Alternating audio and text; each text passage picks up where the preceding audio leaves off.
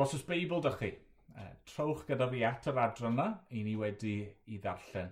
A y cwestiwn mawr i fi eisiau e, i ofyn y bore yma yw, beth yw llwyddiant? E, sut bysach chi'n diffinio bywyd llwyddiannus neu person llwyddiannus? A fi'n siŵr bys y llawer ohoni'n ateb y, y cwestiwn yna mewn ffyrdd gwahanol uh, i'n gilydd.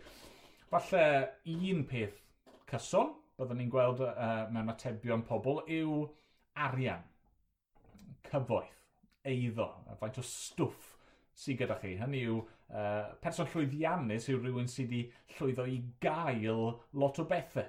Um, bod ganddo nhw miliwn o bunnoedd neu biliwn o bunnoedd neu uh, bod nhw'n byw mewn rhyw blasti crand ac yn uh, gyrru y ceir goren, gwisgo'r dillad goren, bwyta'r bwydydd gorau.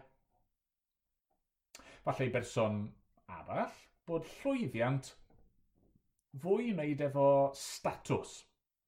E, chi eisiau cyrraedd y top.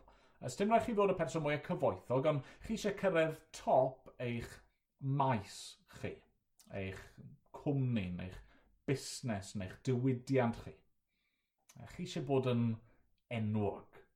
E, chi eisiau gwneud enw i chi'ch hunan.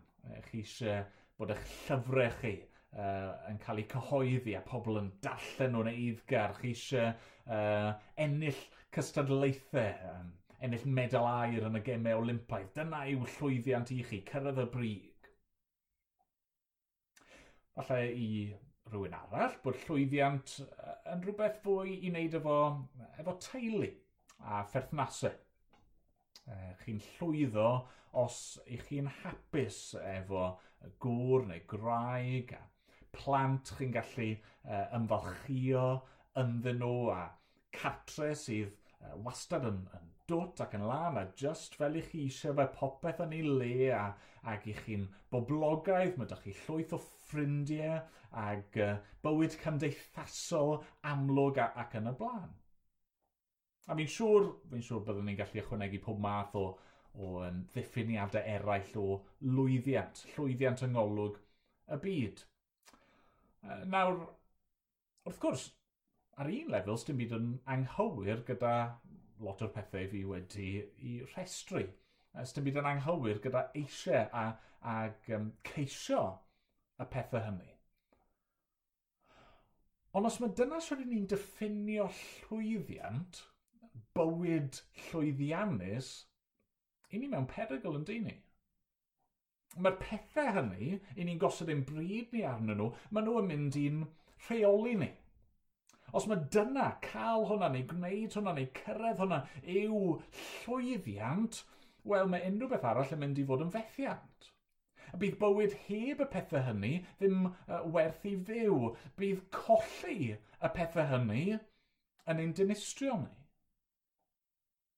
Os mae am y pethau hynny rydyn ni'n byw, beth sy'n digwydd pan ni'n cyrraedd diwedd yn bywyd ac i ni'n gorfod ffarwelio ar cwbl? Be fydd gennym ni i ddangos?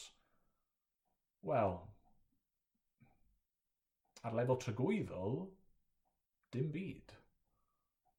Ac wrth gwrs i, i lawer o bobl, um, mae y fath o bethau i fi wedi bod yn sôn amdano mor belled, mae nhw tu allan i'w cyrraedd nhw. Ond tu allan i'w meddwl nhw yn llwyr. I ganran heleth o, o boblogaeth y byd heddi, diwrnod llwyddiannus yw un lle i chi wedi goroesi. Jyst i llwyddo i aros yn fyw, uh, cael tamed o fwyd yn eich bola a, a llymed o ddŵr yw yfed. Mae'r Beibl yn cynnig diffiniad gwahanol iawn i ni o beth yw llwyddian diffiniad fi'n credu sy'n cael ei grynhoi uh, mewn ffordd arbennig iawn i ni yng ngeiriau Iwan Fydyddiwr fan hyn. Dyma fy llawenydd i yn ei gyflawnder.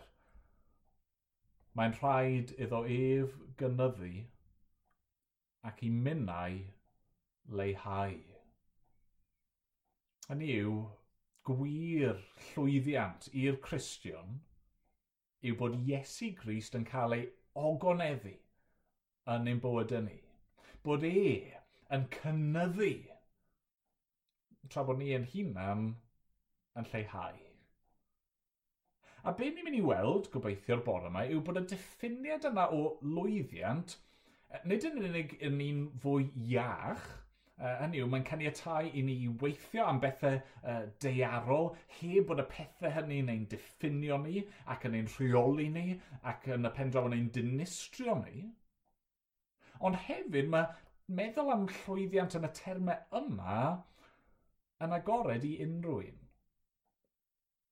Gall pob un o ddisgyblion Iesu Grist lwyddo yn hyn fel arfer yng ngolwg y byd, llwyddiant yw, yw bod chi'n cael rhywbeth uh, dyw pobl eraill ddim yn ei gael, ond mae hyn llwyddiant beiblaidd ar gael i bawb. A be fi eisiau gwneud uh, yn syml yw i ystyried pedwar ffordd mae ma meddylfryd Iwan am beth yw llwyddiant, beth sy'n rhoi llawenydd iddo fe. So mae hynny'n dangos i hunan yn amlwg yn ei fywyd e. A felly, pwynt cyntaf uh, i fi eisiau ni weld yw hyn. Llwyddiant i'r Cristion yw cyflawni ein galwad. Llwyddiant i'r Cristion yw cyflawni ein galwad. Nawr, oedd gan Iwan Fydyddiwr alwad penodol iawn. Oedd ganddo fe alwad clir dros ben. Roedd e wedi ei anfon gan ddiw er mwyn paratoi'r ffordd ar gyfer y Mesoea.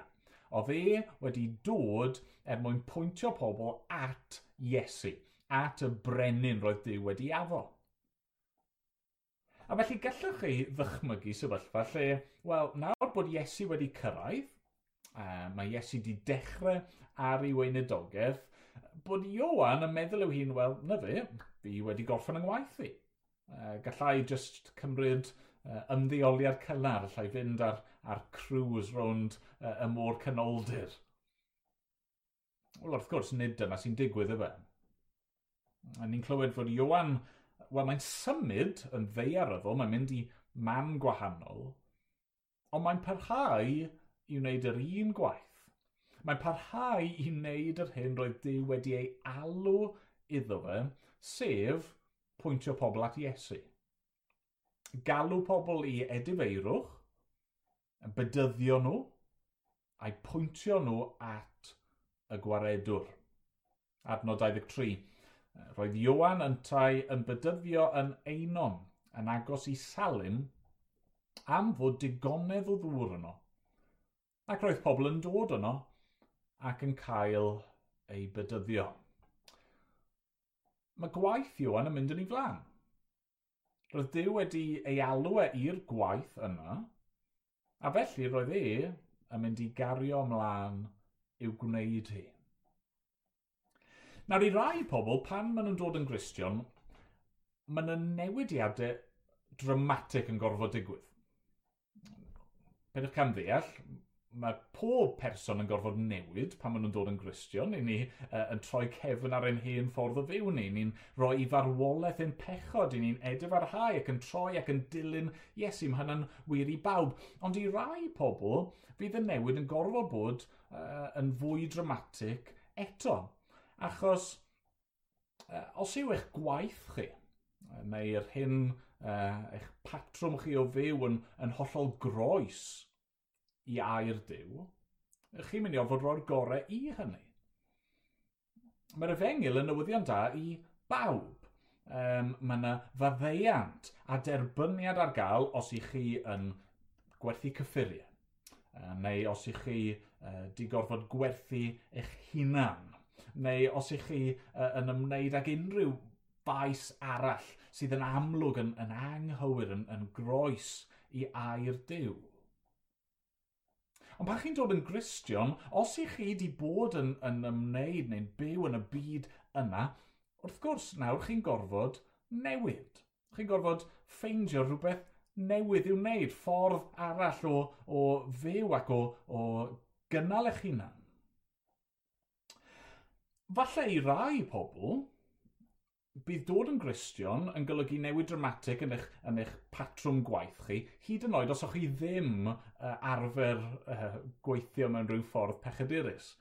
Um, be fi'n golygu? Wel, weithiau mae, mae rhywun yn dod yn gristion, yn dod yn ddisgybl i Iesu, ac yn teimlo bod Dyw yn galw nhw nawr i newid be maen nhw'n gwneud.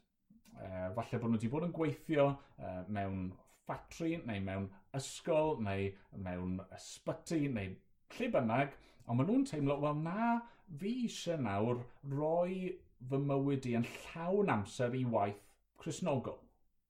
Um, Naill fel gweinidog, mae'n eglwys, neu um, yn y maes genhadol, neu, neu rhywbeth felly.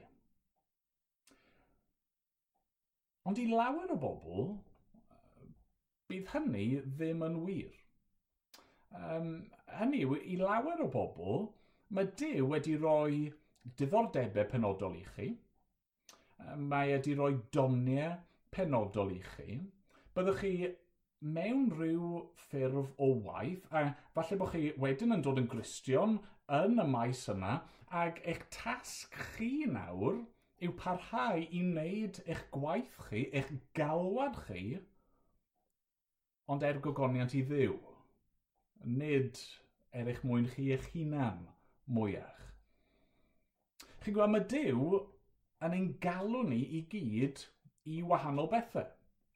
Nid jyst gweinidogion sydd efo galwad ar ei bywyd nhw, na pregethwyr a, ac yn y blaen, ond, ond holl bobl ddiw.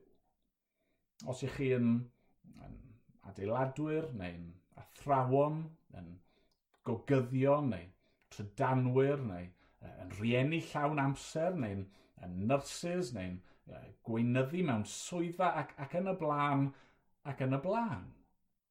I chi nawr, um, a galwad i, i fyw ac i weithio er gogoniant i ddew ac er lles y bobl o'ch cwmpas chi. A felly mae'r pwynt cyntaf. Os i chi'n gristion, Y ffordd i lwyddo yw trwy holi was sŵt gallai i nawr cyflawni fy ngwaith i a fy ngalwad i i orau fy ngallu er gogoniant i ddew.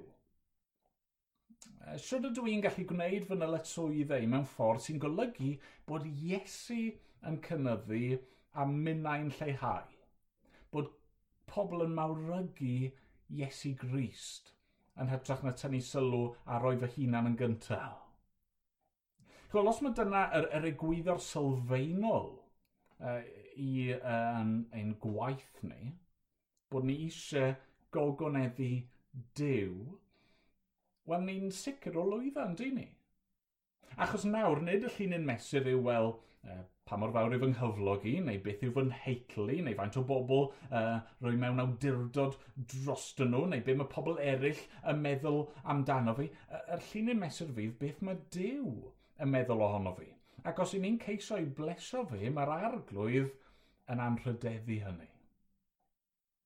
Llyna'r pwynt cyntaf, okay? Yr ail bwynt i ni'n gweld yn dod allan uh, fan hyn yw llwyddiant i'r Cristion yw aros yn ffyddlon i Iesu. Aros yn ffyddlon iddo fi. Mae'r apostol Iowan yn nodi rhywbeth bach i ni, rhyw fath o aside uh, sydd gyda ni, fod yr hanes mae'n cofnodi fan hyn yn digwydd cyn i Iowan Fydyddiwr gael ei garcharu. Adnod 24 nid oedd Ioan eto wedi ei garcharu. A mae'n gwneud hynny yn nodi hyn am ddau reswm. Y reswm cyntaf yw oherwydd yn yr efengylau eraill, Matthew, Mark a Luke, mae Ioan Bydyddiwr i weld yn cael ei garcharu yn fuan iawn ar ôl Iesu ddechrau i weinidogedd. A felly, fan hyn mae'r mae, apostol Ioan fel tas yw e, jyst eisiau pwysleisio neu nodi, dwi ddim di drysu, dwi e ddim di gwneud camgymeriad. Um, mae yna gyfnod fan hyn lle oedd y pethau yma di digwydd, dyw'r efengyl eraill ddim yn sôn amdano nhw. A felly, wel, yn ddiddorol, mae'r apostol Iwan bron yn cymryd yn gyniataol bod i ddarllenwyr e a ni yn gyfarwydd gyda'r efengylau e eraill. Mae'n rhyw fath o ateb cwestiwn falle oedd yn codi yn ei meddwl nhw, wel hang on, nag oedd Iwan yn y carchar, wel na, nid oedd Iwan eto wedi ei garcharu. Ond wrth gwrs, mae yna ail reswm pam uh, mae Iwan yr apostol yn nodi'r ffaith yma i ni. Mae'n rhyw fath o bwysleisio mewn ffordd syml iawn beth oedd e'n mynd i olygu i Iwan Fydyddiwr beth oedd yn mynd i gostio i Iwan Fydyddiwr iddo fe i leihau ac i'r arglwydd Iesu Grist i gynyddu. Roedd e yn mynd i olygu yn y pen draw cael ei garcharu, a diodde, a cael ei ladd, cael ei ddianyddio. A falle bod e'n swnio'n rhyfedd i, i ddweud hyn ar ôl y pwynt cyntaf, hynny yw, os mae galwad Iwan Fydyddiwr oedd i bregethu, wel nag yw cael ei daflu yn y carchar yn fethiant, wel, wel nac ydy. Oherwydd, um, ochr yn ochr gyda cyflawni ein galwad ni, llwyddiant i'r Cristion yw aros yn ffyddlon i Iesu. Hyd yn oed pan mae hynny yn costio i ni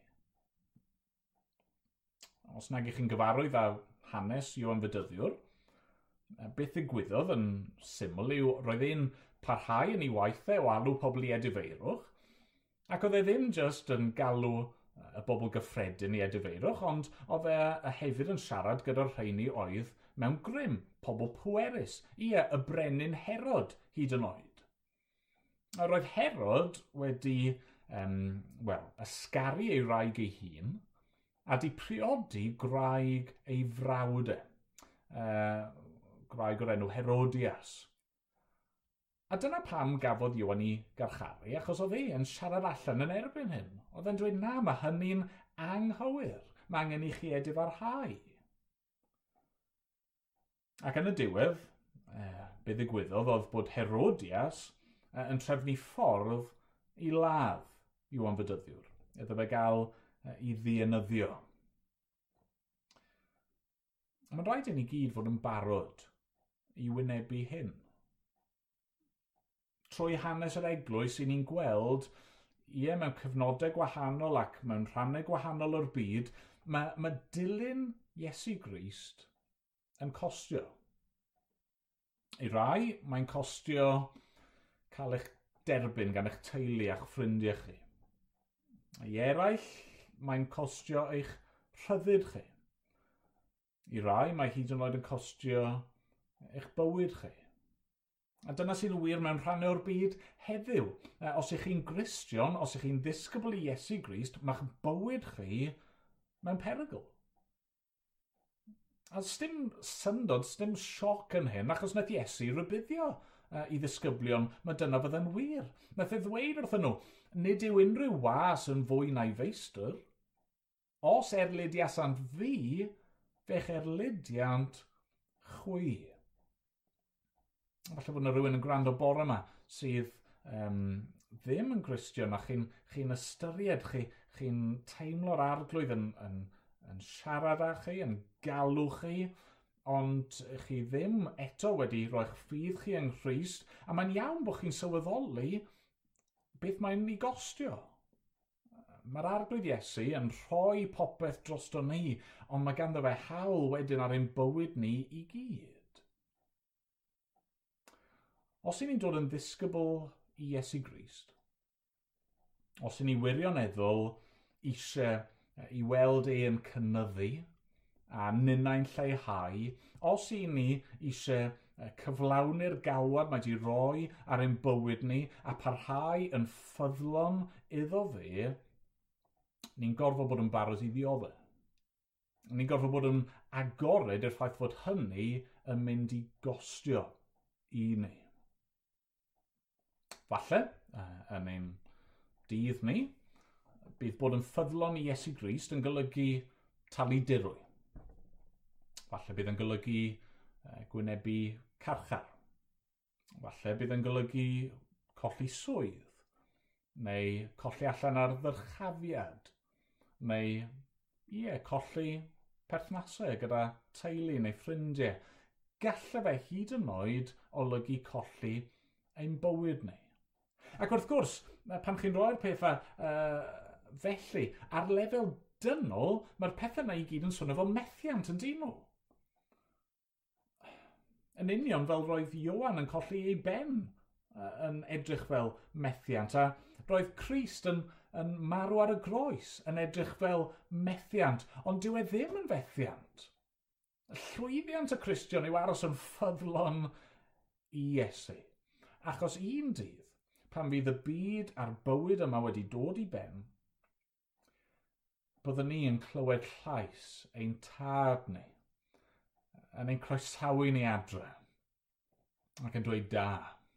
Da was, da a ffyddlon. Tyr di ymuno yn llawenydd dyfeisol. Yna mae yna esiampl arall gyda ni, yn does ym mhrofiad Iwan. Er trydydd pwynt yw hyn, llwyddiant i'r Cristion – yw ymostwng i ewyllus Dyw. Llwyddiant i'r Cristion yw ymostwng uh, i ewyllus Dyw. Uh, mae popeth i ni wedi edrych arno mor belled, jyst yn, yn gosod yr olygfa mewn ffordd, a ni'n clywed fod yna ddadl yn codi. Dadl rhwng disgyblion Iwan a rhyw iddew um, anhysbys. Ni ddim yn gwybod pwy o dde, ni ddim yn gwybod beth oedd natur y ddadl. Mae yna lot o bobl wedi trio dyfalu a roi rhyw theories. Uh, rai yn meddwl falle mae, mae Nicodemus yw e. Um, uh, bod e wedi cael ei berswadio gan Iesu a, a bod e'n dod nawr i, i siarad gyda disgyblion Iwan er mwyn gweithio allan y berthynas rhwng Iwan a Iesu. Rai yn meddwl, wel na, siarad fod rhywun, rhywun um, gwrthwynebus uh, yn dod uh, ac yn, yn beirniadol o, o Iesu a Iwan. I ni just ddim yn gwybod. A dwi e ddim yn neud rhyw lawer o wahaniaeth, uh, diolch beth, achos uh, beth sy'n bwysig, beth sydd ei weld yn, yn eitha clir, yw bod yr iddew dienw yma yn codi cwestiynau ynglyn â Ioanna ac yn ei ddiastyru e rhywsyd. achos mae, mae disgyblion ni yn mynd yn hynod o, o amddiffynol, maen nhw'n mynd ar y defensif yn dyn nhw. Maen nhw'n dod at Iwan, ac mae'n amlwg bod nhw ddim wir di deall neu ddim di gweld pwy yw Iesu. Dyn nhw ddim di deall yn iawn beth oedd Iwan yn ceisio i ddangos iddyn nhw. Achos be maen nhw'n gwneud yw gosod Iwan a Iesu mewn cystadleuaeth gyda'i gilydd. Adnod 26 deithiant at Iwan, a dweud wrtho, Rabi, y dyn hwnnw oedd gyda thi, y tu hwnt i'r Iorddomen, yr un rwy ti wedi dwy'n tystiolaeth iddo, edrych, mae ef yn bydyddio a phawb yn dod ato ef. Maen nhw yn meddwl am, am Ioan a Iesu fel Starbucks a Costa – um, dau gaffi neu cwmni sydd yn cystadlu efo'i gilydd yn trial denu cwsmeriad. Maen nhw'n flin achos mae Johan wedi bod wrthi yn ffyddlon fan hyn, yn cyflawni ei alwad, ond nawr mae Iesu uh, di ymddangos, a mae e di agor ei, ei outlet bach e, a mae pawb uh, yn gadael Iwan ac yn mynd ato fe i gael ei bydyddio'n lle. A falle bod chi wedi gweld yr agwedd yna ar waith yn eich bywyd chi. I ni yn gallu ymddwyn fel hyn yn dyn ni, fel eglwysi, fel unigolion. Os mae llwyddiant yw um, ein niferoedd ni, neu ein cyflog ni, neu unrhyw beth arall, wel beth sy'n mynd i ddigwydd yw bod ni'n mynd yn, yn gystadleuol yn dyfa ni'n mynd i fod yn ferniadol o eraill ac yn, yn cynical, ni'n mynd i uh, chwerwi. pan ni'n gweld pobl eraill yn mynd ymlaen ac yn derbyn yr hyn i ni'n credu mae hawl ganym, ganym ni iddo fe. Ond dyw Iwan ddim yn meddwl fel yna. Na mae e'n gwybod i fod e a Iesu yn rhan o'r un gwaith. A maen nhw'n gweithio tuag at yr un nod. Maen nhw uh, yn rhan o'r un deyrnas. Er mae Christ wrth gwrs yw brenin y deyrnas hwnnw. A felly mae Ioan yn dweud na i fi yn barod i ymostwng yn llwyr i gynllun Dyw. Beth bynnag sy'n digwydd i fi mynd i ymddiried yng nghynllun Dionys Dyw. Adnod 27. Atebodd Ioan, ni all neb dderbyn un dim os nad yw wedi ei roi o'r nef Rydych chi eich hunan yn dystion i mi, i mi ddweud nid my fi yw'r Mesoea. Un wedi ei anfon o'i flaen ef o'i fi. Hynny yw, mae Iwan yn dweud, os yw pobl yn dod ata fi, wel mae hynny achos fod Dyw wedi roi hynny. Ac os maen nhw'n fy ngadael i er mwyn mynd ar ôl Iesu, wel, gwych. Dyna pam i fi wedi dod. Fi wedi dod er mwyn pwyntio pobl at Iesu. Yr unig ffordd mae pobl yn gallu derbyn fy neges i, neu'r unig ffordd mae pobl yn gallu gweld pwy yw Iesu, yw achos mae Dyw yn dangos hynny iddyn nhw mae Iwan yn dweud, sa'n gyfrifol am uh, ymateb pobl, sa'n gyfrifol am llwyddiant pobl, sa'n gallu reoli beth sy'n digwydd yn y byd, sa'n ddigon mawr i hynny, dew sydd ar waith, dew sydd yn sofran, dew sydd yn frenin dros y cwbl, a fi'n ymddiried ynddo fe. Chod yn aml iawn yn dyn ni, ni'n mesur llwyddiant, yn ôl ydw i yn cyflawni beth rwy'n i wedi gobeithio? Beth rydw i eisiau? Ydy'n cynlluniau ni'n gweithio allan fel rwy'n i wedi bwriadu? A mae'r Christian yn cael ei ryddhau o feddwl uh, yn y termau hynny. I ni'n gallu gwneud cynlluniau, a mae hynny'n ddoeth. I ni'n gallu um, gweithio at ryw nod, Ond ym mhob sefyllfa, i ni'n gallu dweud, wel, dyma fi eisiau, ac uh, dyma i fi'n mynd i weithio tuag ato fe, ond bydd e ond yn digwydd os yw'r arglwydd yn mynnu hynny. Os yw'r arglwydd yn caniatáu hynny. Os yw hyn yn ôl ewyllus yr arglwydd. Sa'n rheoli y byd a, a'r, uh, a natur a um, mae gymaint o bethau tu hwnt i fy reolaeth i. Dyma i fi'n uh, meddwl sydd yn dda ac fi'n mynd i fynd ar ôl hynny'n weddigar, ond mae'r cwbl uh, yn wylo yr arglwydd. Chyfo, mae hynny'n beth gwych yn dydy. Achos i ni'n gallu gwybod bod ni wastad yn, yn ddiogel yn nwylo Dyw i ni'n gallu ymddiried yn ei gynllun perffaith e, mewn ffordd i ni ddim yn gallu ymddiried yn ein cynlluniau ni. I ni'n amherffaith, i ni'n gwneud camgymeriadau, weithio mae'r pethau i ni eisiau, pethau ni'n mynd ar ôl, yn troi allan uh, i fod um, yn, uh, yn wael i ni, yn, yn gamgymeriad. Ond dyn ni'n gallu gwybod fod Dyw yn cydrefnu pob peth er daioni i'w bobl e. A felly hyd yn oed ar yr adegau hynny lle um, yng ngolwg y byd i ni wedi methu. Ac yng ngolwg y byd uh, mae pethau wedi mynd ar chwal ac, um, ac uh, ddim fel o'n i wedi gobeithio, i ni'n gwybod, wel, mae gan ddiw rhywbeth gwell wedi baratoi ar fy nghyfyrru. Mae gwaith diw, cynllun diw, wastad yn llwyddo. A felly os i ni'n ymostwng ac yn ymddiried i'w gynllun e, fyddwn ni hefyd yn llwyddo. Ac yna mae'n un peth ola yma, um, geiriau Iowan yn cyrraedd rhyw fath o echafbwynt yn dydyn nhw. A'r pwynt ola felly yw hyn, llwyddiant i'r Cristion yw gwasanaethu. Llwyddiant i'r Cristion yw gwasanaethu. Mae Iwan Fydyddiwr yn cyflwyno darlun i ni. A mae'n darlun hyfryd o, o sut mae e'n gweld ei hun, a sut mae e'n gweld yr arglwydd Iesu. Adnod 29. Y priodfeb yw'r hwn mae'r briodferch ganddo. Mae cyfaill y priodfeb, sydd wrth ei ochr ac yn gwrando arno, Yn fawr ei lawenydd wrth glywed llais y priodfab. Dyma fy llawenydd i yn ei gyflawnder. Mae'n rhaid iddo ef gynyddu, ac i minnau leihau. Beth yw llwyddiant yng Ngolwg Iowan?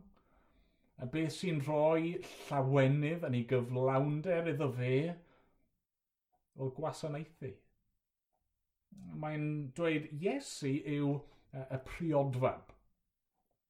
A'r cwbl ydw i, meddwl Iwan, yw, yw cyfaill y priodfab, neu, neu gwas priodas, y best man.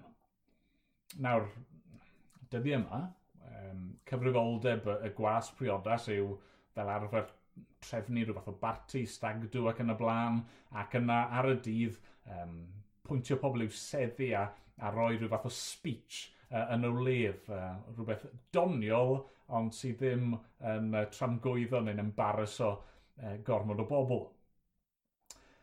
Ond yn y ganrif gyntaf, bydde uh, gan uh, gwas priodas neu cyfaill y priodfab uh, llawer fwy o gyfrifoldebau. Oedd uh, rhaid iddyn nhw sicrhau fod popeth yn, yn mynd yn iawn, yn rhedeg yn llyfn, ond nhw yn, yn ymroi i, i weithio'n galed ar bethau ymarferol i sicrhau fod, fod popeth yn mynd yn iawn. Bydden nhw'n brysur, brysur, brysur yn, yn weithgar iawn, ond pam? Wel, er mwyn gwasanaethu. Er mwyn gwasanaethu'r priodfab a'i briodferch doedd cyfaill y priodfab, y gwas priodas, ddim eisiau i'r sylw i fod arnyn nhw, ond ar y par oedd yn priodi roedd e eisiau clywed llais y priodfab uh, yn, yn llawenhau yn ei briodferch e. A mae Iwan yn dweud Christ yw'r priodfab. Ac wrth gwrs, yr eglwys yw ei briodferch e. Christ yw'r un sydd wedi dod er mwyn ein caru ni, a'n hachub ni, i farw dros ei, ei briodferch e. Christ yw'r un sydd wedi dod er mwyn glanhau a, a puro a chyflwyno yr eglwys yn berffaith i'w hunan er mwyn bod gyda'i bobl am dragoedd oldeb. Christ yw'r un nath um, tynnu ei ddillad a golchi traed i ddisgyblion. Y Christ yw'r un nath fynd i'r groes a marw er mwyn ei bobl e. Mae Iwan yn dweud, peidwch, peidwch edrych arno fi. A peidwch poeni amdano fi a fy, fy enw da i neu fy mhoblogrwydd, fy llwyddiant i. Fe! Fe yw'r un pwysig. Y cwbl ydw i yw gwas. Yr unig peth i fi eisiau gwneud yw gwasanaethu, gwneud beth bynnag fi gallu, dyw'r stori yma ddim amdano fi, mae amdano fe a'i briodferch e. Gwyd yn aml iawn yn dyn ni'n gallu cael ein signo fewn i'r ffordd yna o feddwl fod, fod yn bywyd ni a'n amser ni ar y ddeiar yma amdano ni, am bod ti fi. Fy stori i yw e, fi yw'r prif gymeriad. Ac mae um, pawb a phopeth arall uh, yno just er mwyn cymryd rhan yn, yn fy nrama bach i. Na. Na, mae'r stori amdano fe. Fe yw'r priodfab. Yr eglwys, pobl ddew, yw'r briodferch. A felly beth yw llwyddiant i'r Cristion? Wel, gwasanaethu. Os oes unrhyw rôl o gwbl dyn ni, i ni eisiau rôl yna o, o wasanaethu, gwneud beth bynnag ni'n gallu helpu er mwyn y briodfab a'i briodferch. Unrhyw beth ni'n gallu er mwyn i enw Iesu gael ei fawrygu ac er mwyn uh, helpu pobl yr arglwydd uh, yw wasanaethu e yn well. I ni eisiau byw yn bywyd ni a gwneud yn gwaith a aros yn ffyddlon iddo fe, um, i ni eisiau uh, ie, gwneud y cwbl, dynyddio'n am doniau ni, a'n amser ni, a'n adnoddau ni, er mwyn Iesu, ac er mwyn ei eglwys e. Dyna yw llwyddiant. Dyma fy llawenydd i yn ei gyflawnder. Mae'n rhaid iddo ef gynyddu ac i minnau leihau. Diolch iddo. Amen. Amen.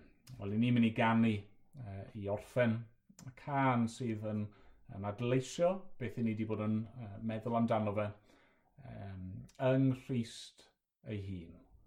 Yng Nghyst mae'n gobaith ni, yng Nghyst mae'n bywyd ni, yng Nghyst mae'n popeth ni. Gadewch ni gannu mawl yn awr iddo fe.